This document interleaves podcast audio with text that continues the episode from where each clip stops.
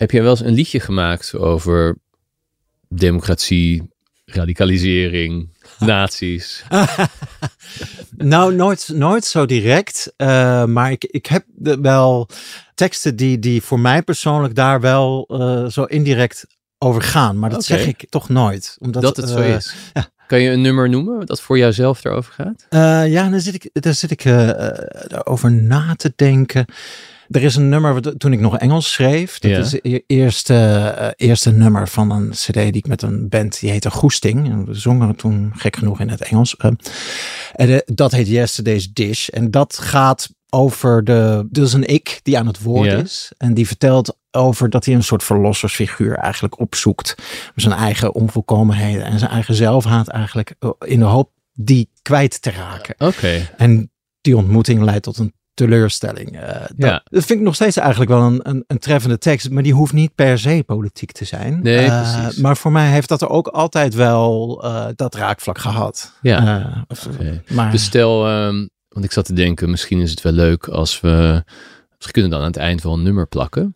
Ja. Zou deze dan eh, goed zijn om te doen? Of wil je dan Ja, iets we- anders? nou, het is, het is jammer dat het Engelstalig is, maar, maar het is Ja, voor de, dat, eh, dat zijn de mensen wel gewend, toch? ja, maar juist omdat ik Je zingt verder heel veel in het Nederlands. Ja, Dat, dat, dat vind ik, daar, daar, daar, daar hecht ik op zich wel aan. Maar aan de andere kant is het gewoon een mooi nummer. Ja. En het is ook leuk om nog eens... De violist die je speelt op die plaats is inmiddels overleden. Dus eh, ergens vind ik dat ook wel weer leuk. Eh, dat, dat nog eens een keertje oprakelen. Eh, Zullen we dat doen? Dus dan ja. hebben mensen dat Ah. al om eh, Ja. naar uit te. Ja, ja. En is het heel confronterend als ik vraag van, zing één zinnetje eruit vast? Eh, eh, nee, dat kan wel. Ja, nu. Ja? Eh, dan moet ik altijd eventjes... eh, zonder gitaar is dat... Ja, nee, ik vraag iets verschrikkelijks mensen Ja. nu aan de Ewout. Ja. Maar, eh, Het is een Matthijs van Nieuwkerkje. Die, die, die vroeg dat dan ook altijd van... Maak dan eens een grap. maar dat was altijd minutieus voorbereid. En, Ja. en dit wist je echt niet. Nee. Het gaat, eh, de eerste regel gaat zo. Well, I've been hearing about your actions. Been listening to what they say you said. Been wondering if your glorious image resembles the features of your head. Oké, nou en aan het eind meer mensen. Hallo, fijn dat je luistert naar Stuurloos. En ik vertel je deze keer eerst, er komt ook een stuurloos boek. Daarin deel ik alle belangrijke lessen die ik heb opgedaan en geef ik zo goed mogelijk antwoord op de vraag hoe wij Nederlanders een beter bestuur krijgen. De bedoeling is dat het uitkomt in mei 24. Eh, dat moet ik dan wel halen. En om de druk tot onmenselijke proporties te verhogen, kun je het al bestellen via dasmag.nl slash stuurloos. Deze keer terug naar Stuurloos, de podcast, Ewout Kieft. Hij is een briljant historicus en schrijver, hij is dus ook muzikant. Hij schreef onder meer boeken over de aantrekkingskracht van oorlog in de aanloop naar de Eerste Wereldoorlog. Hij schreef over wat er zo sterk was aan Hitlers Mein Kampf, waar, jazeker, scherpe analyses in staan. Hij is gefascineerd door totalitaire bewegingen, radicalisering en we gaan het hebben over de staat van onze democratie. Wat dreigt er en waar vinden we juist de hoop?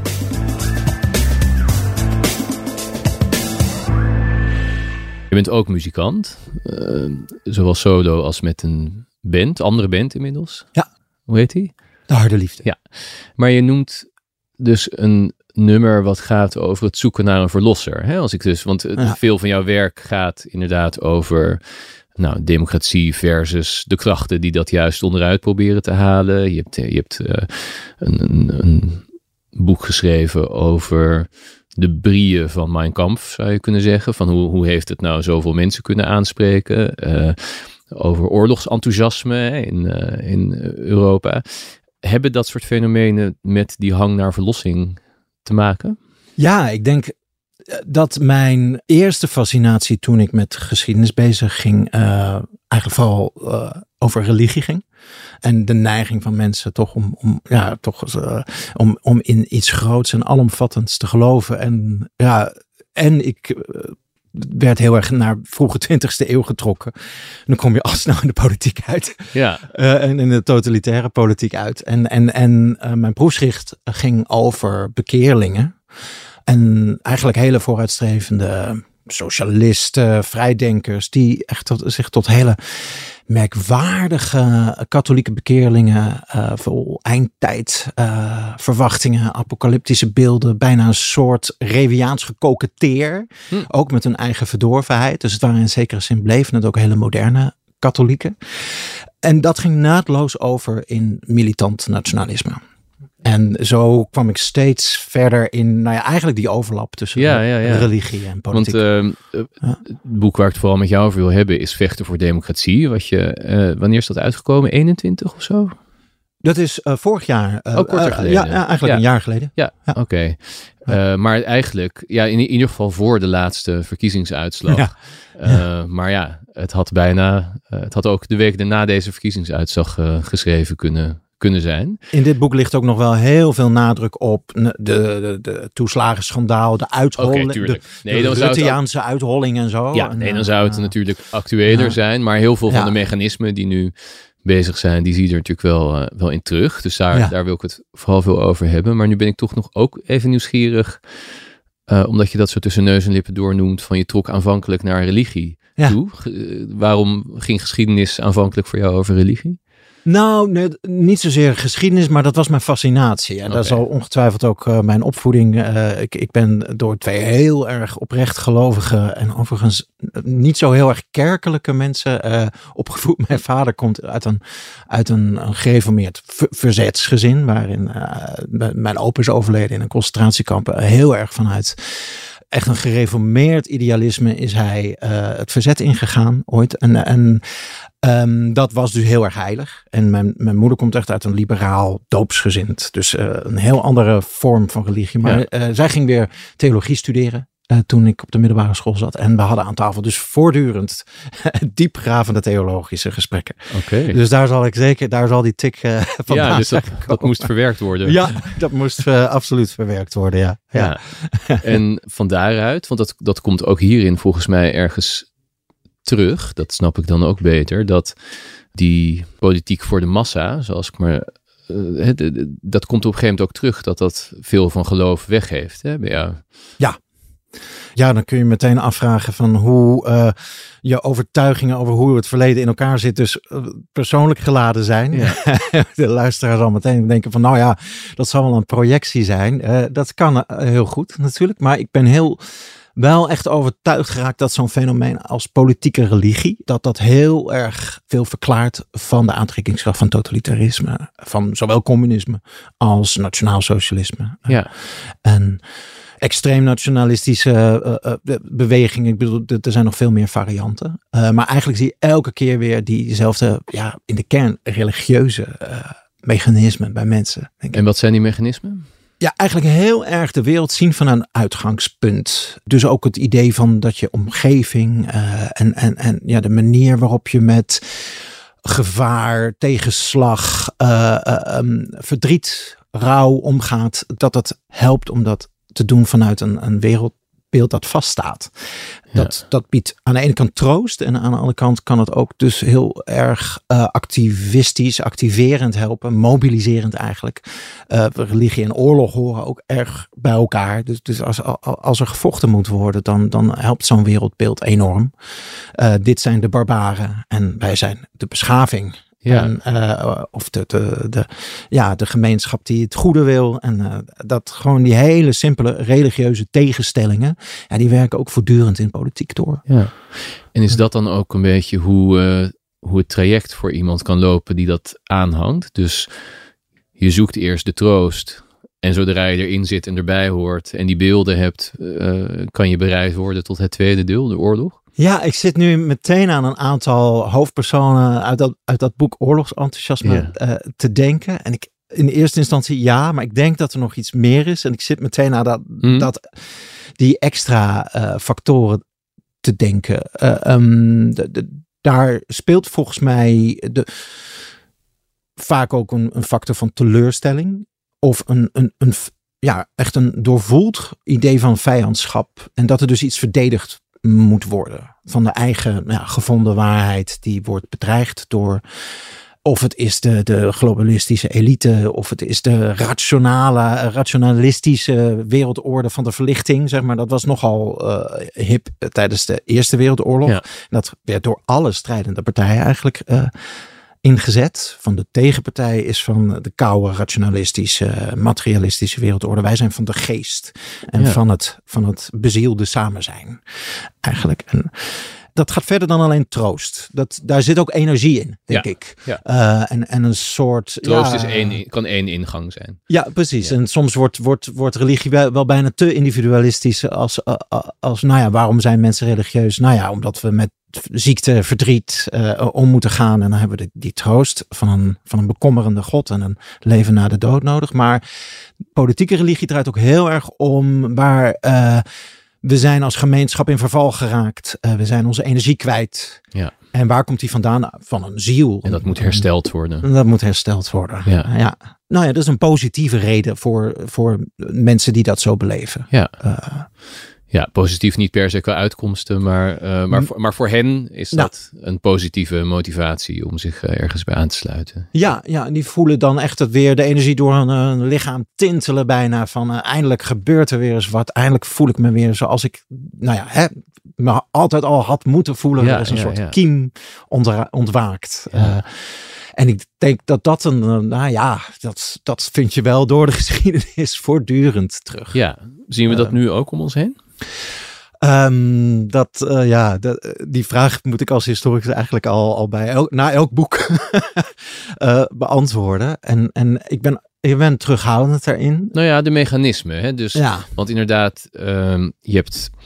We kunnen misschien straks ook nog wat meer over spreken. Je, je bent juist iemand die wil waken voor slordige natievergelijkingen en al Ja. te, al te eh, snelle parallellen trekken.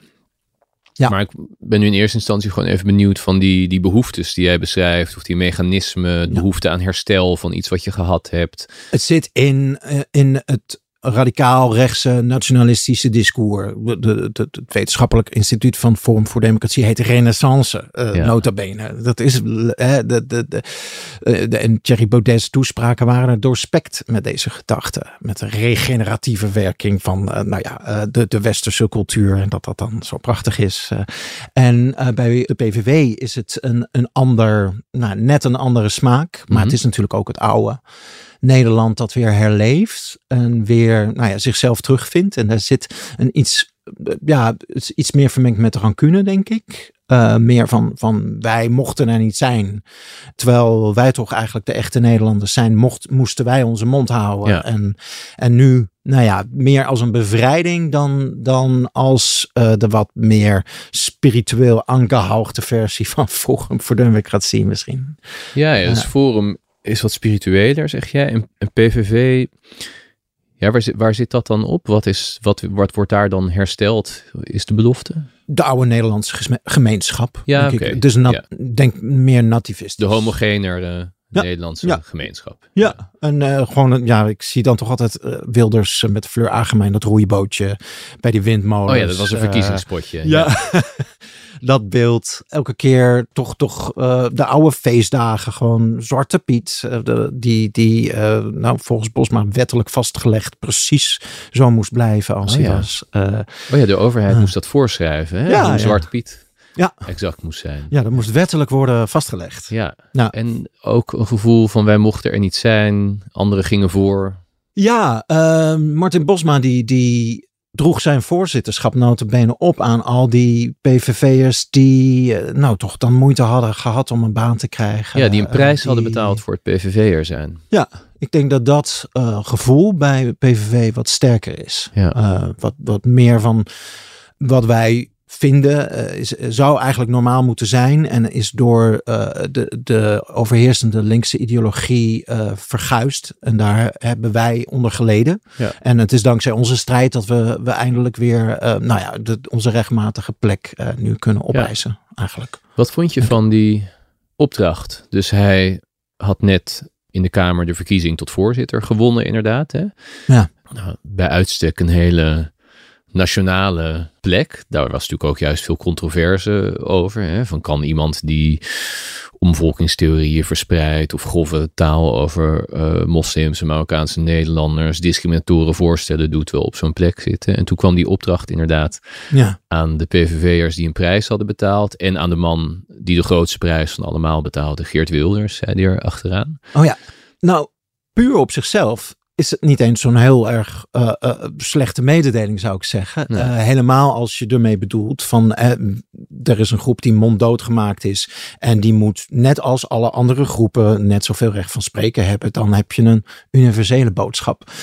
Tegelijkertijd zie je bij Bosma en bij Wilders en heel veel PVV'ers dat het omgekeerd het, het, de vrijheid van meningsuiting aan anderen minder gegund wordt. Dus dan vind ik het, uh, als je dat erbij meeneemt, uh, vind ik het wel problematisch. En, ja. en dan er getuigt weinig besef van dat heel veel mensen dus zo naar hem kijken en zo naar de PVV kijken vanuit angst dat hun vrijheid eigenlijk wel gerespecteerd zal worden. En daar denkt hij helemaal niet over na op nee. zo'n moment. Nee.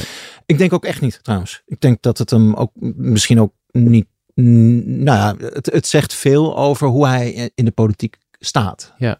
En daar zit ook, denk ik, veel slachtofferschap in. Gevoeld slachtofferschap uh, van wij zijn onderdrukt geweest. Zeker, ja. ja. Ja, en ik dacht, wat volgens mij ontzettend geëikt is om op zo'n moment te zeggen. Hè, je, je behoort tot een bepaalde politieke partij. In zijn geval ook nog eens heel scherp geprofileerd, om het zo maar uit te drukken.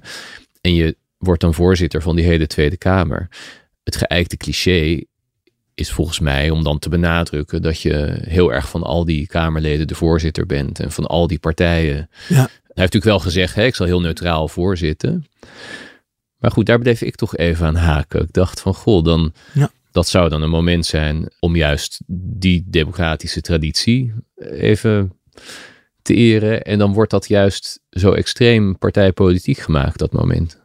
Ja, en de rol van Kamervoorzitter, de meer ceremoniële rol, de, toch als, als een vertegenwoordiger ja, van de democratie. Dat is nou exact de rol die je misschien niet zou moeten opdragen aan een specifieke partij. Ja, ja.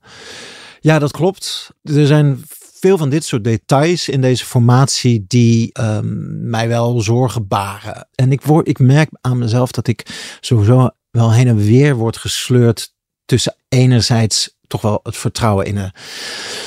Het is meer een gevoel dus dat, dat, dat ik af en toe het gevoel krijg van, nou ja, uh, hoe abject ik hun meningen ook vind. Het, zijn, het is in de kern een democratische partij. Uh, ik zie geen parlementsbestorming vanuit de PVV per se. Ze, ze respecteren de instituties tot op zekere hoogte.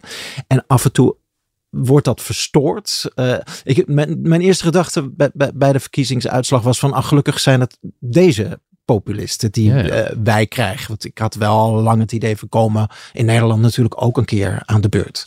Want uh, Forum, dat vind je geen democratische nou, Forum was partij. veel duidelijker in uh, suggereren dat, bij voorbaat suggereren dat de verkiezingsuitslag frauduleus zou zijn. Dat deed Gideon van Meijeren eigenlijk voortdurend.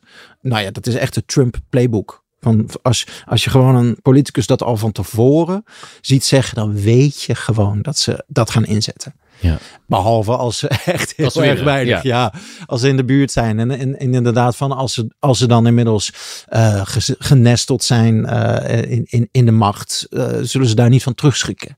En ik had toch altijd wel het idee dat, dat de PVV een ander, nou meer meer respect voor de democratie zou, zou hebben. En af en toe twijfel ik daar weer aan. In de sympathie voor Orbán. Maar komt jouw twijfel over die PVV dan uh, nu? Want volgens mij, ik geloof dat jij zelf ook ergens aanhaalt dat Wilders ook dus heeft gezegd: hè, van als wij niet in de regering komen, dat was bij een eerdere gelegenheid, dan, uh, dan zal het volk het niet pikken. Dit zal Ja. in opstand komen. Uh, Ja. Maar het was maar één keer dat hij dat gezegd had. En dat vind ik voor een, Voor je een- meevallen. vind- ja, voor een populist die, die al toch al ruim twintig jaar eh, bezig is, vond ik dat best wel een eh, bescheiden score. Nou ja, en het beeld van een, van een. Ze hebben het al heel lang. Dat speelde al tijdens het eerste proces over. Dat was daar notabene in zijn verhaal. Daar ging het over een oorlog tussen de elites en het volk. Die, en het volk zou die oorlog winnen van de elites. Ja.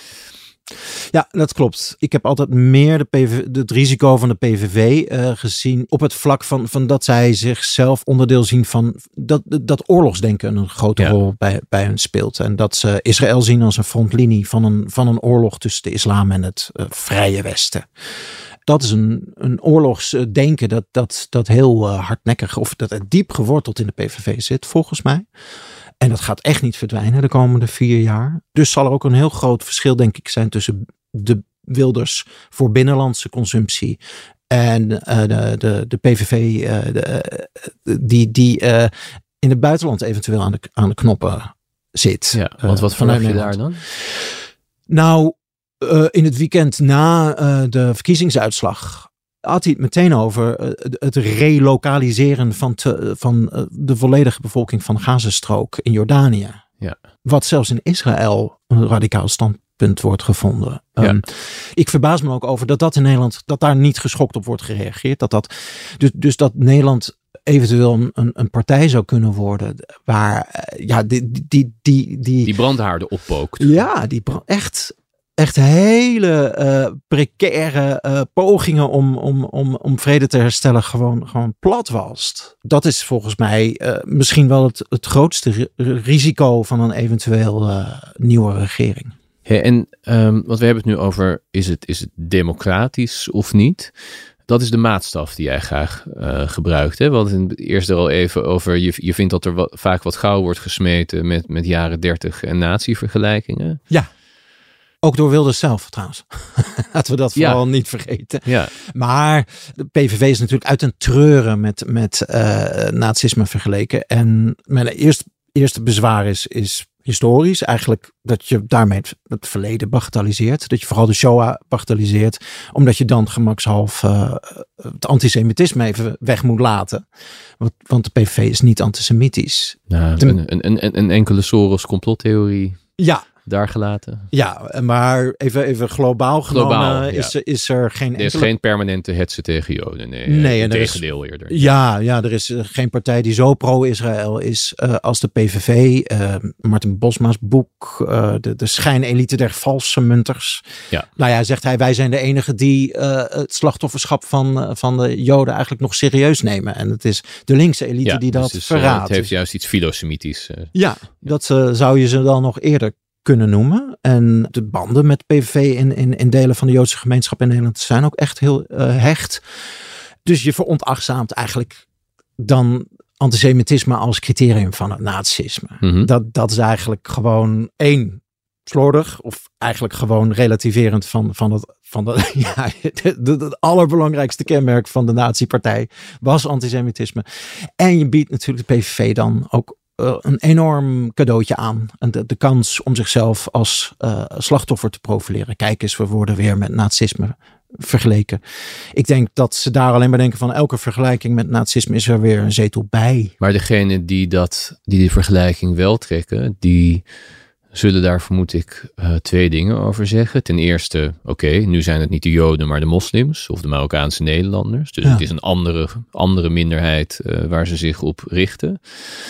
En wat natuurlijk vaak wordt gezegd, uh, het begon allemaal niet bij Auschwitz. Dus uh, zitten we niet ergens in dat traject uh, in de aanloop daarnaar. En, en, en, en als je moet wachten, als je op al die kenmerken moet wachten die jij noemt, ja, ben je dan dus niet altijd te laat met het noemen wat het is. Ja, maar dan, ik zeg ook niet dat je, dat je er geen, geen kritiek op moet hebben. Hè. Laat dat vooral duidelijk nee, zijn. Zeker, ja. um, want, want dat moeten we zeker wel. Maar ik denk dat je veel preciezer moet zijn in, in de kritiek. Dus als iets antidemocratisch is, bijvoorbeeld een uitspraak die je net aanhaalde Mhm. van wij vertegenwoordigen het volk. Ja. Uh, alsof ja, dat één homo geen blok is. Dat is gewoon per definitie een antidemocratische uitspraak. Ja, kan je dat uitleggen? Want uh, Wilders en Bosma vinden dat super democratisch. Als er iets democratisch is, dan is het wel de stem van het volk vertegenwoordigen. En dat doen Ja. zij nou juist. Dus Ja. waarom is dat antidemocratisch? Nou, omdat het volk. Nou ja, de hele, de, de hele optuiging van zo'n ingewikkeld systeem als een democratie is nu juist gedaan omdat het volk niet met één stem spreekt, Nee. maar met vele stemmen. En dat je dus daarom al die verschillende partijen nodig hebt en al die verschillende, nou ja, die, die ingewikkelde debatten en compromissen, dat, dat, die zijn er om recht te doen aan die werkelijkheid. En uh, als je dus zegt, wij zijn de enigen die het volk vertegenwoordigen, dan ontken je die werkelijkheid. Ontken je dat driekwart van de Nederlanders niet op de PVV hebben gestemd. En een groot deel van die driekwart met overtuiging. Uh, en dan doe je ook geen enkele moeite om recht te doen aan hun burgerrechten of aan hun vertegenwoordiging. Ja. dus, um, dus bij ja. democratisch gedrag hoort altijd dat besef nou ja, van je eigen betrekkelijkheid, zou ik maar zeggen. Van, van, het, van, van dat je maar heel gedeeltelijk dat volk vertegenwoordigt. En dat dat volk divers is en, en tegenstellingen kent. En... Ja, en dat is altijd, en dat zal denk ik altijd zo blijven, om weer terug te grijpen naar die religieuze kenmerken, die hardnekkige religieuze neigingen van mensen. Dat staat daar natuurlijk heel erg mee in spanning. Omdat je in een democratie dus altijd soort relativerend besef moet hebben van wat waarheid is, van wat uh, ja, de werkelijkheid is. En het besef dus dat er verschillende versies van die werkelijkheid uh, zijn. En, en, en ja, de kunst om daarin een soort, soort energievolle, vitale uh, uh, cultuur of, of manier van politiek bedrijven uh, uit te destilleren bijna. dat, dat is denk ik wat een gezonde democratie kenmerkt. Dat, dat dat niet alleen maar moeizaam is of, of alleen maar ja. gesprekken zijn die doodslaan of confrontatievermijdend gedrag. maar dat je in die, nou in, dat dat niet zomaar een relativerend, wegsussend wegzussende ja. neiging is, maar dat je wel een soort feilheid daarin kan bewaken zonder dat Nee, want je, daar heeft, ja. daar, heeft die, uh, daar heeft de democratie natuurlijk een bijna een soort permanente achterstand of, of imagoprobleem. Ja. Het oogt namelijk wel heel ja, traag en rommelig en zeurderig en, en onduidelijk. Ja. Uh, het, het, het oogt helemaal niet lekker vitaal. Nee, dat was uh, eigenlijk Hitlers eerste analyse van de zwakheden van het democratisch systeem was dit. Hij keek ernaar, hij zag het, ge, nou ja, het, het, het, het ge, ge, gemier, het gemiezer in, uh, op het parlementaire toneel, zoals hij dat dan beschrijft in Mein Kampf. En denkt van, nou, die vijand kan ik hebben. Want wij hebben grote, allesomvattende waarheid. En hier wordt gewoon uh, ja, geploeterd in de marge en gediscussieerd. En niemand komt eruit en er gebeurt nooit wat. En dat zag hij meteen als de grote kans eigenlijk om een, een, een democratie buitenspel te zetten. En te vervangen door een allesomvattende levensbeschouwing, zoals hij dat noemde ook. Dus ja. dat was echt uh, heel erg vanuit een hele zorgvuldige analyse. Eigenlijk uh, uh, bedacht hij ook van wij moeten dogmatisch zijn, omdat dat juist dan de zwakheid van de democratie kan verpletteren. Hij heeft gewoon heel scherp gezien waar die onaantrekkelijkheid van de democratie voor mensen in zit. Ja. En wat hij daar tegenover zou kunnen stellen. Ja, ja. ja ik, ik las dit bij jou en begreep daardoor een eigen ergernis beter. Ja. Ik heb het altijd ontzettend vervelend gevonden. En dat is echt iets wat in mijn beroepsgroep juist heel veel gebeurt. Ja, het, is, het is jammer dat ik daar nou via Hitler uh, achter moet komen. Uh, maar, of via jou, via jou, via Hitler. maar de neiging om wat daar gebeurt in die democratie vaak te beschrijven als, nou ja, dit is een stokpaardje van mij, maar ik noem het toch even gedoe. Het wordt heel vaak beschreven als gedoe. Als ja. er meningsverschillen is, onderhandelingen, ja. duurt een poos, ja. je moet wachten, of een conflict loopt hoog op, of een maatregel wordt heel ingewikkeld. Nou ja, al die dingen die van dag tot dag gebeuren. Het is inderdaad heel makkelijk om daar heel badinerend over te spreken. Of dus onzorgvuldig. Dat is wat ik zo vervelend vind aan, dat, aan die term gedoe. Dat denk ja, het maakt dus ook, je bent dus ook helemaal niet geïnteresseerd meer in wat daar aan de hand is. Het oogt alleen maar vervelend. En het is ook zo'n stelregel hè, ja. van, ja, partijen willen geen gedoe, want, nou ja, ook hier weer het gelijk van Hitler, daar stemmen mensen niet op. Ja. Terwijl je natuurlijk eigenlijk zou willen proberen te verkopen partij met, met gedoe, dat is goed. Want Ja. dan is er binnen die partij, is er leven, is er discussie, eh, zijn er meningsverschillen. Ja, je zou eigenlijk met een soort bonkend democratisch hart naar al dat parlementaire gekrakeel moeten kijken. En denken wat fantastisch dat deze persoon nu deze groep aan het vertegenwoordigen is. En dat hij helemaal weer gepareerd wordt door eh, de andere. Ja, en, natuurlijk, en natuurlijk kun je onderscheid maken tussen. Kijk, soms eh, gaat het natuurlijk over ego's, baantjes en platte belangen. Nou, daar hoef je niet verheven over te doen, lijkt Nee. me. Alhoewel het er ook allemaal over doet. Maar het, gaat ook wel eens over echte dingen. En dan is het logisch dat er gedoe is. Ja, maar dat is vervelend dat het vaak vertroebeld wordt door, nou ja, echt eh, gedoe of Ja. ehm, echt, eh, nou ja, politieke trucjes. nou, waar, waar mijn boekje Vechten voor Democratie ook vol mee staat. En wat we nu zo allemaal wel, al, ik denk zeker de luisteraars van deze podcast, maar de meeste mensen in Nederland wel, wel eh, ge- genoeg besef van hebben. Toeslagenschandaal en, Ja. en, en al het verhul en doofpotten. En dat is echt gedoe. En dat heeft niets met een eerlijk en open democratisch debat te maken. Maar Nee. eerder het vermijden ervan. Ja. En dat loopt heel vaak door elkaar heen. En dat maakt het ook zo ingewikkeld. dat is dus eigenlijk bevestiging van dat slechte imago wat de democratie toch al kan hebben. Ja, en daarom is het ook schadelijker dan eh, veel Ja. van die politici en bestuurders denken. Omdat je dus eh, eh, ruimte biedt Precies. voor ehm, het antidemocratische verhaal van kijk eens naar dat gedoe. Nu eh, komt er een beweging die dat allemaal overslaat. Ja. En eh, dan, dan gaan we zien hoe snel we jullie problemen eh, Ja. op zullen lossen, mensen. Dat vind ik ook vaak het lastige aan hoe je het bespreekt. Dat heb jij misschien ook wel als je schrijft. Want dan weet jij dus ook op het moment dat je daar veel aandacht aan besteedt. En, en eh, nou, het zit je hoog. Hè? Ergens in het boek beschrijf je ook een, een, een, een tirade die je tegen je vrienden houdt. eh, over precies dit soort eh, Ja. onderwerpen. Ja, die kijken me steeds glaziger aan en, en bekennen dan schoorvoetend dat ze het allemaal niet zo heel erg volgen. Nee. Geen flauw idee hebben eigenlijk waar ik het over heb.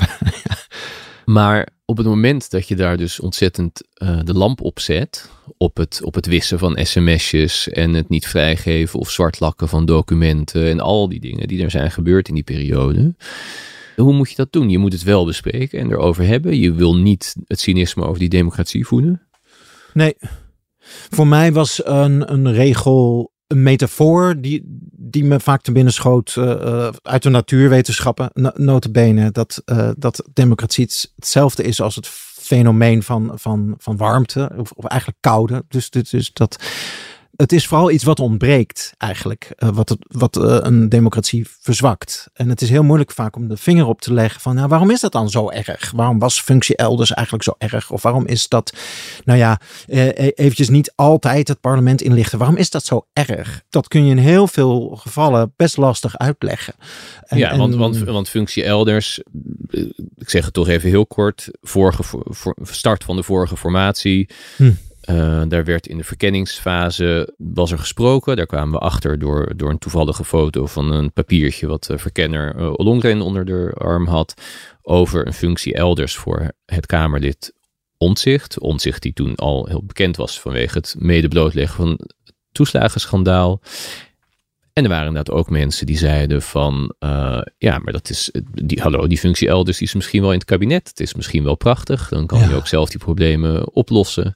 Ja, ja ik, ik eh, heb toen ademloos naar opeen zitten kijken waarin Ton Elias en Henk Kamp zo met een aplomb en een eh, soort eh, VVD-achtige gezelligheid en kordaatheid zeiden van, nou ja, we, we snappen werkelijk niet waar iedereen zich zo druk om maakt. En het, het land moet toch gewoon bestuurd worden, dat soort Ja, taal daar ook weer bij. en Rutte ook, hè? want Ja. eerst zei hij heel hard, ik heb het er helemaal niet over gehad. Ja. Nou, toen bleek dat zwart op wit te staan. Toen had hij het zich niet herinnerd. Ja. En toen het dan helemaal onontkoombaar was, eh, ja, ik, ik, ik wilde alleen maar zeggen, geen enkel bezwaar als meneer Omtzigt eh, een plek in het kabinet krijgt. Eind goed, al goed. Ja, en ik moest dus denken aan diezelfde vrienden die bij mij op bezoek waren, die dat allemaal niet zo volgen. En inderdaad, als ze zo af en toe een flart hiervan meekrijgen, denken van ja, wat is hier nou eigenlijk zo erg aan?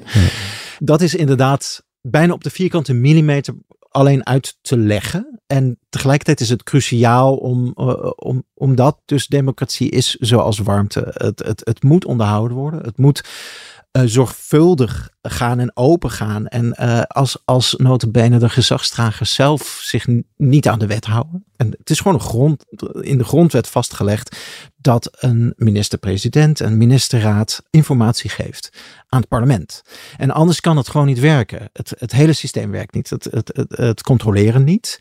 Het eventueel bijstellen van een wet omdat die niet werkt, omdat uh, mensen er de dupe van zijn, kan dan niet. Alles wat er aan vertegenwoordiging cruciaal is in een democratie, kan dan niet. Ja. Dus als je dan moedwillig mensen hebt die. En ook niet het kalt stellen van een parlementariër die al die dingen tegen de klippen op toch voor elkaar probeert te krijgen. Ja, even, even kort samengevat, dan is er dus één Kamerlid die als klokkenluider uh, uh, fungeert en zegt van dit gaat dus al tien jaar mis. En hier zijn tienduizend mensen echt volledig aan de grond kapot gemaakt door de overheid. En dat wordt verhult. En de enige reactie is: we moeten dat Kamerlid de mond snoeren. Dan is er natuurlijk echt, echt grondig iets mis met een democratisch ethos. Zoals Harry Bontebal dat dan gedoopt heeft. Waar heel erg in de geest van, van mijn boekje ook zit. Van, van het gaat natuurlijk niet alleen om de wetten of de instituties. Waarin dit soort dingen vast ligt. Maar ook om je handelingen en gedragingen. En getuigt daar dit soort besef uit. Ja. Als zoiets ook niet electoraal wordt afgestraft denk ik dat dat niet genoeg zal blijken te zijn. Je kan dan, eh, nou, een situatie waar we in Nederland dus nu ook echt, echt bij zitten, gewoon ook partijen krijgen die zeggen van nou, dan veranderen we die grondwet toch. Ja. Of gewoon het helemaal op rechtszaken laten aankomen, zoals het met die herenigingswet uh, van, van erkende uh, statushouders uh, ook is. Dat is ook tegen wetten. Het was het idee dat ze, die, dat ze het nareizen van gezinsleden zouden ze zo maximaal vertragen, was het idee. En dat heeft de rechter afgestraft. Ja, en notabene, dit gaat dus echt om erkende oorlogsvluchtelingen. Dus echt vluchtelingen die volgens de IND al echt uit gevaarlijk... die zijn al toegelaten. Die zijn al toegelaten, die komen echt uit gevaarlijk gebied. Levensgevaarlijk gebied. En dan was het voorstel, daar is dus het vorige kabinet op geklapt, om hun familieleden uh, te verbieden. Of in ieder geval niet toe te laten. Uh, en, en dus nog jarenlang in dat gevaarlijke gebied te laten. Dat gaat tegen alle verdragen in. Ja, dat vond, vond de VVD geen enkel bezwaar. Omdat ze inzetten op van nou, dat komt dat voor de rechter. En dan is het eigenlijk alleen maar de rechtspraak en de rechter die in een uh, politiek daglicht komt te staan. Zo van, oh, dat zijn ook allemaal weer die D66-rechters die uh, soft zijn op uh, migratie. Waardoor dus de rechtspraak gepolitiseerd wordt eigenlijk. Ja. Dat is ongelooflijk kwalijk. En, en dus inderdaad getuigt het van, van, van een, een, een weinig democratisch ethos. Wat dacht je eigenlijk over je vrienden toen die zeiden, ja, we volgen het allemaal niet zo? Dat snapte ik wel ik zie mezelf toch ook altijd wel als een soort uitzondering in, in, in hoe gedetailleerd ik het volg. En ook omdat er allemaal in. Uh, ze hadden wel wat anders aan hun hoofd gehad. Uh, dus, dus ik. En ik vond mezelf eerder een soort friekachtig figuur uh, in die situatie. Dat ik dacht: oh ja, dit geldt natuurlijk voor de meeste mensen. En de gedachte daarna was: oh ja, en hier spelen politici natuurlijk ook op in. Uh, dit weten de meeste politici, dat de meeste mensen dit niet zo volgen, niet zo in detail. Dus als zij één succesvolle flart de wereld in helpen, ja. ze zorgen dat mensen zoveel mogelijk hun flart meekrijgen, dan zijn ze er eigenlijk al. Ja, dus, dus framing is in die zin bijna alles. Maar vind je niet, ik bedoel, los van deze specifieke vrienden die ik verder ook niet ken en, uh, en uh, waar ik natuurlijk niks over kan zeggen, maar vind je niet in het algemeen, bedoel, zeker opgeleide mensen. Mhm. Nee, dat staat eigenlijk ook nergens op. Gewoon mensen. Ja. Men zou zich eh, toch ook wel wat meer kunnen informeren. Ja, maar er zit een grens aan. Bijvoorbeeld met zo'n herenigingswet, uh, om daar de ins en outs over te hebben. En, en, en ergens is het ook een lastig argument. Vaak wordt er dan inderdaad het Europese verdrag bijgehaald. En, en, en het werkelijke argument, denk ik, voor, voor mensen zou niet per se de regelgeving of de wetgeving moeten zijn, maar een veel directer argument, namelijk gewoon een, een, een, waarde, een opvatting. Een, een, eh, dit, eh, kijk eens, dit zijn mensen uit oorlogsgebieden. Die hebben we humaan te behandelen. ze zijn al heel erg zorgvuldig bekeken. Ze komen echt uit gevaarlijk gebied. Hun familie zit er nog. Kom op dat argument is denk ik sterker. Zelfs voor de mensen die tegen migratie of in ieder geval heel erg voor migratiebeperking zijn. Die zijn denk ik sterker overtuigd, eerder overtuigd door zo'n argument dan door een beroep op het Europees Verdrag van de Rechten van de Mens. Ja, maar om er door overtuigd te zijn, moet men überhaupt het feit kennen. Ja, en dat blijft en is overigens altijd natuurlijk in de democratie. Uh, het wordt nu vaak gekoppeld aan sociale media en fake news. En het, het, het, het, het feit zelf staat ter discussie. Dat was vroeger ook al wel zo. Ik bedoel, de, de ik moet wel eens denken aan, aan, uh, aan, aan de jaren 50, waarin de, je had in het parlement de communistische partijen en de antirevolutionaire partijen. En nou, die dachten ook anders over bepaalde feiten. En, ja. uh, dat zou je ook fake news kunnen noemen van elkaar. Uh, die debatten waren toen ook al best heftig. Nou, maar ik zit nu ook even weer terug te denken aan de aan de religieparallel van het begin. Hè. Toen hadden we het erg over totalitaire bewegingen, politiek voor de massa. Maar je zou natuurlijk ook kunnen zeggen, dat hele idee van zo'n democratie is wel erg gestoeld op de geïnformeerde, rationele mens, uh, die vervolgens een, een uh, afweging maakt. Is het niet sowieso allemaal een bak sentimenten en geloof en beelden en flarden? Ja. Ja, maar ik denk dus in die zin dat we ook uh, democratie minder als een rationeel besluitvormingsproces moeten gaan bekijken. Ja? En uh, ik bedoel, dat blijft altijd in spanning staan. Het bestuurlijke van een democratie, wat, daar is het uiteindelijk voor uh, natuurlijk, het, om een regering en een bestuur te krijgen in een land. Tegelijkertijd heb je de vertegenwoordigende kant. En dat is gewoon eigenlijk hoe ondoordacht of irrationeel de mening of dus het gevoel van een bevolkingsgroep ook is. Hij dient vertegenwoordigd te worden. En daar is alweer zo'n interne tegenstelling, maar het moet allebei. En als het een veronachtzaamd wordt. En ik denk dat in, in, uh, als je naar de Nederlandse uh, politieke geschiedenis kijkt, is er te veel nadruk misschien wel gelegd op het bestuurlijke, het rationele. En te weinig op het vertegenwoordigende. En de waardering van dat er dus elke groep zichzelf moet herkennen in een democratisch debat. Dat is ook een maatstaf van een democratie. En ik denk dat juist heel veel um, mensen die zichzelf als uitermate democratisch zien, heel veel problemen hebben om een discussie te houden met uh, mensen wie mening ze dus irrationeel, onderdacht of ja, gewoon abject vinden. Ja. En gewoon ook niet zo goed weten hoe, ook niet zo goed weten waarom. En eigenlijk gewoon liever het niet doen.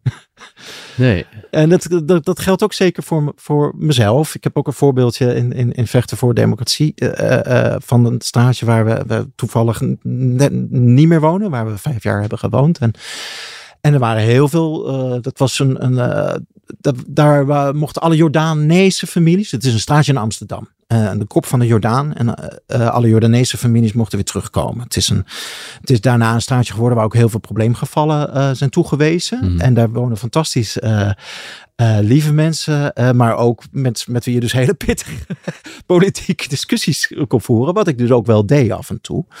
En we hadden ook buren, uh, en daar noem ik een voorbeeld van in het boek, die totaal tijdens coronatijd in de complottheorieën ver, verzonken raakten. En daarvan moest ik op een gegeven moment ook concluderen, uh, de, ja, hier heeft een gesprek geen zin meer. Nee. En, en, soms ga je elkaar dan toch maar even uit de weg. En dat zette me eigenlijk aan het denken van, van de zwakte die we allemaal hebben, denken, denk ik. Van je gaat toch vaak liever confrontaties uit de weg. Ja.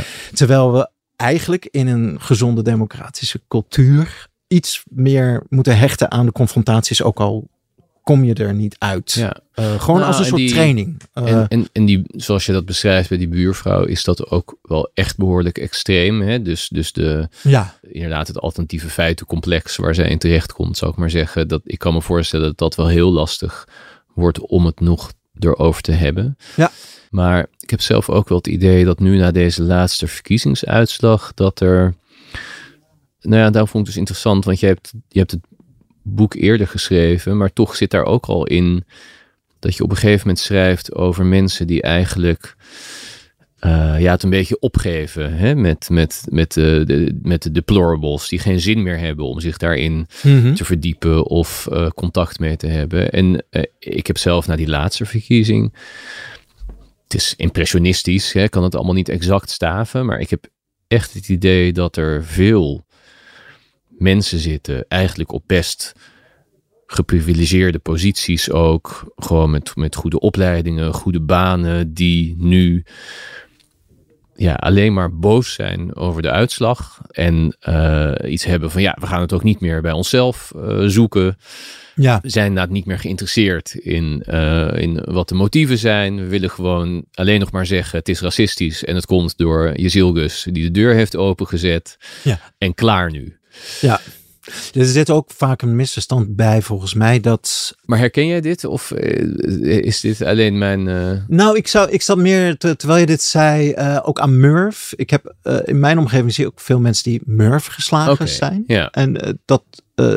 dus dat, dat mist een beetje de felheid van, nou, we gaan, we gaan het ook niet meer doen. Het is gewoon racistisch. Maar daarnaast ook gewoon denk, echt denken van, het heeft gewoon echt echt geen zin. Nee, aangeslagen ook soms. Ja, ja en, en misschien een neiging hebben van we trekken ons terug in, uh, terug in onze eigen comfortabele ja. uh, bubbel, waar we wel, um, waar dingen nog wel uh, kloppen, kloppen sens maken. Lekker in een steeds kleiner groepje gelijk hebben. Ja, ja. of in elk geval, ja, om, omdat de buitenwereld toch te bedreigend aan, aan het worden is. Ik denk dat er een aantal misverstanden daaraan kleven. De, één, om weer terug te komen op die buurvrouw van ons die in de complottheorie ver, verzonken raakt. Dat eigenlijk een, een debat of een, een confrontatie pas zin zou hebben als je eruit komt. Als, als je iemand kan overtuigen. Dat, dat is volgens mij een hardnekkig misverstand. Want gewoon als een erkenning van dat je echt kan uitspreken tegenover elkaar ook een fel meningsverschil uh, gewoon tot uiting kunnen brengen. Zonder dat je meteen elkaar haat. Of misschien dus als buren elkaar gewoon nog vriendelijk gedag kan blijven, blijven zeggen. Ik denk dat dat goede training is voor ons allemaal. Door, dat dan, door dus niet zo'n confrontatie te mijden. Maar gewoon te zeggen van, hé, hey, uh, vreselijk hè, die PVV. Of nou, misschien heb jij er wel op gestemd. Maar gewoon dat, gewoon letterlijk te zeggen. Maar het uiten? Ja, het en ik neem aan, hier heb je het over buren, maar hiermee heb je het ook, denk ik, over het publiek debat, wat daarin zou moeten Of families, of, of, uh, ja. ja. het publiek debat, of, uh, uh, maar, maar dus juist ook, of muzikanten bijvoorbeeld, uh, die altijd bezorgd zijn of het deel van hun fans misschien, uh, dat er veel meer een cultuur is waarin je kan zeggen van ik vind het verschrikkelijk, zonder dat je meteen uh, daaraan kleeft van oh dus je minacht die mensen of je dat dat zou gezond zijn, denk ik. Dat zou een heleboel ongezonde rancune uit verkiezingen halen, uit, uit, uit, uit een, nou ja, gewoon een politiek besef van heel veel mensen halen. Zo van oké, we, we, zijn het oneens, maar het, het, het, we zijn het fel oneens. Maar er zit geen morele veroordeling nodig. Nou, hoewel, zelfs dat mag erbij. Maar dat je dan nog steeds uh, uh, uh, samen kan praten. Dus, en om dus, gaan. dus de verschillen uit je, ook inclusief morele veroordeling. Ja. Je hoeft er niet uit te komen. Je hoeft elkaar nou, niet te vinden. Je hoeft ook niets te relativeren. Maar op de een of andere manier moet het ook niet klappen. Je moet ook niet de ander totaal afschrijven. Dat is het eigenlijk. Ja, ik denk wel eens dat, dat vanuit de kleine christelijke partijen uh, politici van de ChristenUnie of de SGP eigenlijk veel meer ervaring hebben en hoe het is om uh, heilig overtuigd te zijn van een wereldbeeld ja. en te discussiëren met mensen die het totaal niet met je eens zijn en soms Ja. ook wat best denigrerend Die het hele fundament daaronder al niet erkennen. Ja, en dan toch democraat kunnen zijn, zeg maar. Dat Ja. is een kunst, Ja. denk ik. Die ik dus bij mijn vader ook wel heb kunnen zien. Van, van die is en overtuigd democraat en heel erg gelovig. Ja. En ik denk dat heel veel mensen gelovig zijn zonder dat ze het doorhebben. En dat helpt denk ik al in dit soort gesprekken. Dat je weet van, Maar het is is wel dat het heel moeilijk wordt. Met de PVV heb je een beweging die echt sommige groepen minder rechten wil toekennen dan andere groepen. Dat is weer een andere En, en nou heeft iemand daarop gestemd. En misschien behoor jij tot die groep, of misschien vind je het gewoon heel verschrikkelijk hè, dat dat onderscheid in rechten wordt gemaakt. Ik denk dat mensen dat heel moeilijk vinden om dan te denken van, maar ik veroordeel jou niet, ik minacht jou niet. Want hoe kun je nou stemmen op zo'n beweging die, dat is Ja. natuurlijk... Ja, maar ik denk wel dat, dat er een verschil is tussen iemand die stemt op een partij en, eh, en, en, en, een, En de partij. en de partij en, die, en, die, en, en de leider van die partij. Maar Die- zo'n stemmer heeft er in elk geval geen belemmering in gezien. Nee. Die heeft niet gedacht, nou maar mijn stem is zo erg voor bijvoorbeeld Marokkaans-Nederlandse medeburgers eh, die dit moeten verduren. Nee. Ja. Ik moet ook wel denken aan Diederik Samson, die meer dan tien jaar geleden, bijna nou, net iets langer dan Wilders, een minder minder uitspraak, eh, die uitspraak deed van eh, Marokkanen hebben een etnisch monopolie op straatgeweld. Ja.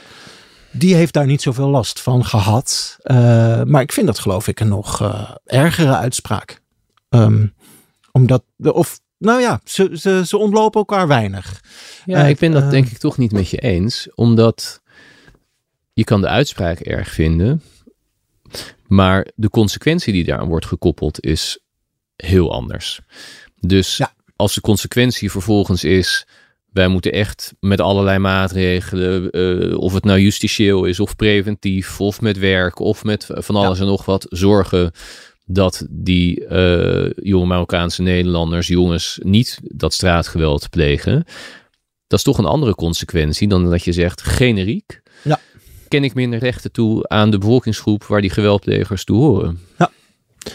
Maar het pleidooi om zo'n confrontatie aan te gaan, houdt dus wat mij betreft ook wel in dat je mensen zegt van weet je wel dat je hebt gestemd op Ja. een partij die... Dat hou je ze eh, voor. eh, ja, Ja. eh, of dat, dat, dat vind ik juist bedreigend eraan. Ja. En dan zul je denk ik in de meeste gevallen hebben, nou mijn buren zeiden meestal van ja, we moesten gewoon een signaal afgeven. Ja. Of dat, dat de motieven van veel mensen daar niets mee te maken hebben. Ja. En dat ze, en dan zijn we weer terug bij mensen die het gewoon toch niet zo heel erg intensief volgen allemaal, Klopt. daar ook lang niet zo altijd bewust van waren. Nee. En denk je dat die confrontatie daar toch in kan helpen? Ja, omdat in zo'n confrontatie dus dat soort kennis Ja. naar voren eh, komt. Hier zit uiteindelijk jouw hoop, toch? Jouw hoop zit in, in, in het uitspreken, in het verlevendigen, in het... Ja, het gaat om de toon dan ook. Hè? Eh, als, je dat, als je dat op een manier doet waarin je en fel en eh, zonder ehm, neerbuigend te zijn een ideeënstrijd aan kan gaan, eh, dan, dan, dan denk ik dat dat helpt. Dat daar een hele positieve energie uit kan komen. Ja. En het is, het is mijn hoop, maar het is ook wel. Ik zou ook niet weten wat, als dat er niet is, hoe we dan nog in een democratie moeten gaan. Ja, ik zie het ook ongeveer als enige manier. Ja. Het is ook mijn laatste hoop in zekere zin. Ja, je schrijft ook ergens, eh, je moet wel. Want als je, als je eenmaal besluit, er is een hele groep waar geen land meer te bezeilen mee is. Ja. Die zijn niet meer te overtuigen. Die hoef, daar hoef ik niet meer mee te praten. Dit kan ik niet meer bereiken. Ja, ja. Dan geef je de democratie op eigenlijk. Ja, dat klopt, ja. Eh, maar ik denk dus ook dat, dat in. eh, Want soms hoor ik mezelf praten en dan denk ik, oh, dat klinkt weer als hetzelfde softe geleuter. Als van je moet luisteren naar elkaar en toch in gesprek blijven met Ja. elkaar. En elke keer als ik dat hoor, krijg ik zelf al spontaan jeuk, terwijl ik het eigenlijk zelf wel vind. Maar daar zit volgens mij wel de, de- het misverstand bij dat, dat in zo'n gesprek, dat je daar niet fel zou kunnen of mogen zijn. Ik denk juist een respectvol gesprek hebben betekent juist een, juist een ander serieus nemen. Houdt juist in dat je dus zegt van weet je wel dat je op een partij hebt gestemd Zeker. die rechten wil nemen aan hè, de, mijn, eh, mijn schoonfamilie, mijn, mijn, eh, de, eh, of ik noem maar een paar voorbeelden van, van Nou, luisteren, heeft denk ik een, luisteren heeft denk ik een hele slechte naam gekregen, zou je kunnen zeggen. Omdat het heel lang is geweest. Ik denk wel een jaar of twintig, hè, al sinds Fortuin. ja, Oh, er zijn mensen die ergens mee zitten. Dat is een sentiment. Ja. En we gaan daar nu naar luisteren. We gaan dat sentiment vertolken eh, ook wel.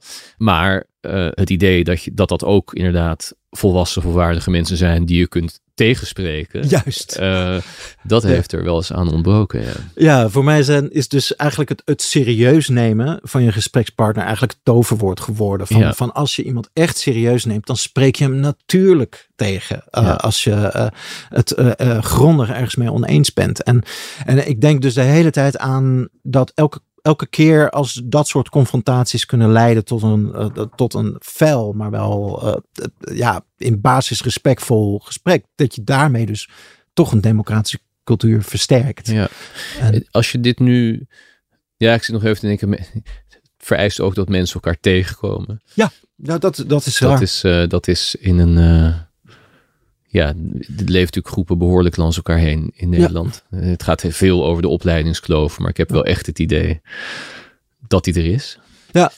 Het idee van burgerberaden ehm, eh, heb ik ge- ook in mijn boekje geopperd, ook nog wel in artikelen, om dat juist op een, een, een veel lokaler niveau te gaan eigenlijk gebruiken Ja. voor als, als ontmoetingsplekken waarin je dus willekeurig geloten mensen, eh, die dus ook gem- gemeten uit, uit alle lagen van de bevolking, uit alle groepen komen, om ze dus ook maar gewoon samen eruit te laten komen. En dan ook, ook echt serieus te nemen in, in wat ze uiteindelijk beslissen. Ja, want dat Eh. burgerberaad wordt heel vaak gepromoot als een manier om ook tot betere besluiten te komen. Dat, Ja. dat lees ik bij jou eigenlijk niet zo enorm eh, Nee. eh, als, als, als, als, als belangrijkste waarde. Nee. Jij noemt het eigenlijk meer als er moeten plekken georganiseerd worden Ja. waar mensen elkaar spreken. En Ja. daarvan denk ik dat dit, omdat het al enige momentum heeft, Ja. best wel gegadigd zou kunnen zijn. En, en misschien kunnen we nog iets beters bedenken. Maar, maar ja, die, die publieke ruimte eh, waarin dit gebeurt, zijn wel hard nodig. Ja. Hey, en eh, tot slot, als je dit idee van die van dat gesprek met tegenspraak, als we daarmee nu even de, de blik naar Den Haag wenden, naar de manier waarop nu partijen met elkaar omgaan, de manier waarop die formatie zijn beslag krijgt, want daar, ja, daar gebeurt natuurlijk iets opmerkelijks dat in elk geval bijvoorbeeld een eh, partij, NSC, onder leiding van Omtzigt, die zich heeft laten voorstaan op als wij nou ergens over gaan waken, dan zijn het de grondrechten wel. Sterker nog, die gaan we beter verankeren in een constitutioneel hof, hof en weet ik veel. En die praat met een partij met allemaal plannen die die grondrechten juist onderuit halen. En nog twee andere partijen erbij die dat, nou, oogschijnlijk niet zo, die staan er een beetje neutraal in, lijkt het. Wat betekent dit voor dat vieren van die democratie zoals jij dat zou zien? Ja, ik, ik vond de eerste tekenen nog niet bemoedigend. Nee. Allereerst dat ze dus in, in het debat over de, de grondrechten en formatie elkaar geen kritische vraag, ik geloof zelfs geen vraag, Nee, gewoon hebben, geen interrupties. geen interrupties hebben gesteld. Nou, als je een voorbeeld van, van nou precies dit dezelfde Rutiaanse eh coalitieakkoorden die helemaal dichtgetimmerd zijn. Eh, Nou, ze hebben er nog niet eens één en ze doen er al aan. Vond ik een slecht voorteken. Nou ja, en het voorstel om eh, dus ook meteen maar eh, de spreidingswet, Ja, ook als De- blok. Hè? ook als blok. Eh, Met een, met een vreemde constructie waarbij de Eerste Kamer het niet mocht behandelen. En Ja. En waarbij als je kijkt, wat is nou eigenlijk het doel? Ehm, want de spreidingswet gaat niet over eh, instroom van eh, migranten, want dit gaat over een groep die er al is. En hoe je die het beste op kan vangen. En we hebben nu echt twaalf jaar lang eigenlijk een frustratie van die opvang gezien, die bewust is als ontmoedigingsbeleid gebruikt. En daar is dit gewoon een voortzetting van. Om eh, dus, oh, we, we kunnen nog niet een, een regel verzinnen waardoor we migratie kunnen eh, eh, stopzetten. Nou, dan gaan we het maar zo onaantrekkelijk maken dat eh, eh, we hopen dat asielzoekers ons overslaan. Doen ze niet, weten we al lang. Maar dat is de enige reden waarop je dit zou kunnen doen. En dus dat je eigenlijk wil dat Ja. Ter Apel overstroomt. Ja, en het was gewoon misschien ook even, even laten zien dat je er bent als rechtsblok. De verkiezingen Ja. zijn geweest, de verhoudingen zijn anders. Ja, maar met goed bestuur heeft het werkelijk niets te maken. Het is toch best, ja, het is toch wel heel opmerkelijk, hè? Die, die, die coalitiedwang en die, eh, Ja. dit soort gedrag. Dat is een van de dingen die Ja. Omtzigt heeft aangewezen hè, als, als, als, als een van de bronnen van veel kwaad. Ja. Grote ergernis. Ja. En de eerste gedragingen zijn precies zo. Het enige wat ik nog kon bedenken, en dat is dan nog als ik welwillend ben, als ik bijzonder welwillend ben, is Ja. dat hier nog een een of andere politieke strategie eh, achter zou zitten om dus Jezilgus dit te laten voorstellen. En daarmee, nou ja, de kritiek die ze ook echt eh, heel erg over zich heen heeft gekregen, te laten gebeuren. Ja, Dat, eh, maar goed, maar dat gaat wel heel ver dat je hoor. elkaar ook helemaal Ja. niet interrumpeert. En als je, Dat is, staat daar los van. Ja, dat, als je, dus als je je welwillendheid laat varen, wat, wat denk je dan, waar kijken we dan naar, denk je? Eh, dan kijken we naar een, een, eh, een, eh, een politieke partij. Ja, dan kijken we, kijken we naar de Partij van Omzicht, naar een nieuw sociaal contract, die, die eigenlijk een, een open debatcultuur, een, een, een open democratische cultuur wi- wil. En eigenlijk zich ook al in de verkiezingscampagne trouwens, hè, zich de hele tijd sch- schuilhield achter proces management eigenlijk vrij feitelijk. Om zich zei nooit over wil je met PVV uh, regeren, heeft hij nog nooit gezegd iets vanuit waarden gezegd in zijn antwoord. Viel mij heel erg op. Hij had het de hele tijd over de grondwet en als je een eten op aflegt, dan kan dat eigenlijk niet. Dus is dat wel heel ingewikkeld. Dat is een procesargument. het is een heel, uh, ja, echt ouderwetse stoffige politiek argument, maar een, een, een waardenpolitiek. Een politiek vanuit democratische waarden. Dus dan zeg je van, dat wil ik niet. Want ik vind het standpunt van de PVV uh, over migratie, over uh, zijn uitspraken over Marokkanen, over uh, Marokkaanse Nederlanders, over, die vind ik object. Ja. Daar wil ik niet samen mee. Bovendien, als ik open bestuurscultuur wil hebben, dan moet ik niet met de meest gesloten, minst transparante partij van Nederland gaan regeren. Ben je helemaal betoeterd? Dat had hij kunnen zeggen. Ja. Vanuit zijn eigen waarden. Ja, maar hij heeft geen enkel antwoord gegeven vanuit zijn eigen waarden. Nee. Uh, dat, dat, is eigenlijk het soort debatten wat jij. Ja, dat zou je natuurlijk. Voor je zou zien. Dat is een politicus die dan zou. En zou dat is een levende democratie. Ja, en dit was weer hetzelfde procesargument. Oké. Nou, voor het eerst volgens mij in de geschiedenis van Stuurloos gaan we nou, een nummer luisteren. Ah. En dan zeg ik uh, vast even dat, uh, nou, dank ik mensen voor het luisteren. En dat uh, de gast Ewout Kieft was, dat hij veel boeken heeft geschreven. Maar het boek waar we het meeste over hadden heet Vechten voor Democratie. En ik dank Rinky Bartels voor de montage, Geert van der Pol voor de redactie en Corien van Duin voor de eindredactie. En ik plug nog even mijn eigen boek waar ik aan werk. Want dat kan je bizar genoeg, terwijl ik het aan het schrijven ben, al bestellen. Via dasmag.nl slash stuurloos. Ik moet het wel nog even schrijven. Hoe heet het nummer wat we gaan horen? Yesterday's Dish. Oké, okay, dankjewel dat je er was. Ja, graag gedaan.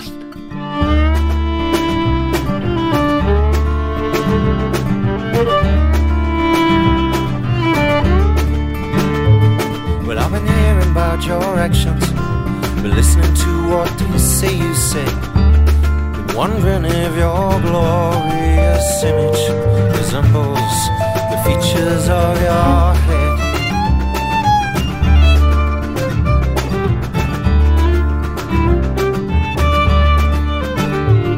I myself have some shortcomings. My body wears like a Chevy dress. And my words sound like a soup that's boiling. I've been treating myself like any man has.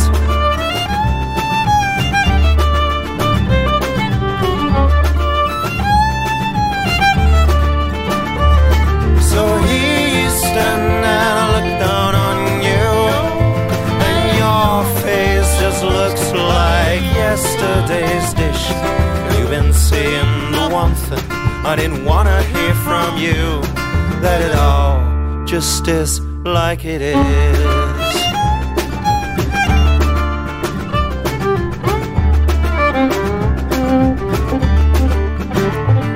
Well, I've dreamed of fear and violence, and I've woken up with a pain under my skin. And if my life is like a bird's feather, I feel it's been captured by the wind.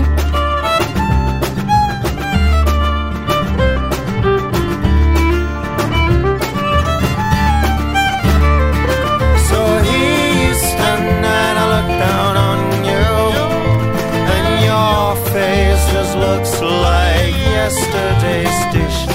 You've been seeing the one thing I didn't wanna hear from you. That it all just is like it is.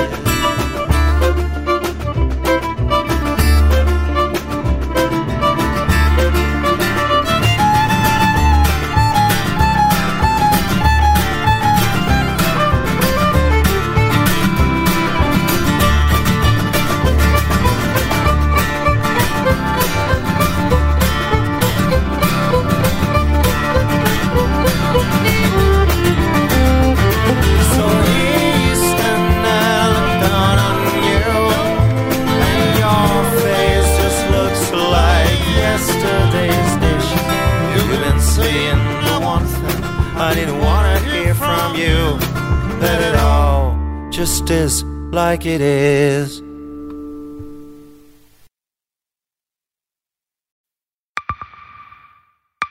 Zijn leven is overhoop gegooid. Plus dat heel veel mensen hem niet geloven. Vrienden niet, die, die denken, ja, hij is gewoon gek geworden. Hoe naar moet dat zijn? Als je vertelt over de meest indringende ervaring uit jouw leven en niemand gelooft dat je het echt hebt meegemaakt. Ja, ik vind zelf niet dat ik het verzonnen heb, maar sommige mensen denken dat wel. Maar hoe kom je erachter of jij je doelwit bent van een geheime dienst? Ik heb ook wel eens meegemaakt dat je het idee hebt dat inlichtingendiensten in je geïnteresseerd zijn. En dan kun je wel heel veel zien, wat er misschien helemaal niet is. Als ik s'avonds nog iets ging eten, dan volgden die mensen mij naar het restaurant. En dan terug van het restaurant naar het hotel. Als zij op een gegeven moment zei, kijk maar uit, want anders word je dadelijk nog ontvoerd ook. Shit, ik moet hier weg. Dat is, is niet goed. Nu word ik gevolgd. Een soort Truman Show is het gewoon. Hè? Alsof dat hele straatbeeld voor jou is ingericht. Maar dan wel met bedoeling ja, jou niet door te laten. Dit kan geen toeval zijn. Een nieuwe podcast van de Volkskrant. Mijn naam is Simone Eleveld en samen met Huid Modderkolk ontrafel ik een bizarre operatie van de geheime dienst. Wat het doel ook is, jij verliest het. Ik werd opgepakt, heel lang ondervraagd. Maar hoe krijg je grip in een wereld die zo onderzichtig is? Als je zou liegen, dan zou je niet de meest relevante informatie twee jaar later tussen neus en lippen doorvertellen. Er zal nooit iemand zeggen, oké Bart, ik geloof je. Nooit, nooit. Dit kan geen toeval zijn. Vanaf 3 oktober bij de Volkskrant. Ik weet niet of ik je ook alles kan vertellen. Het is echt te bizar. Wat? Ehm, ja,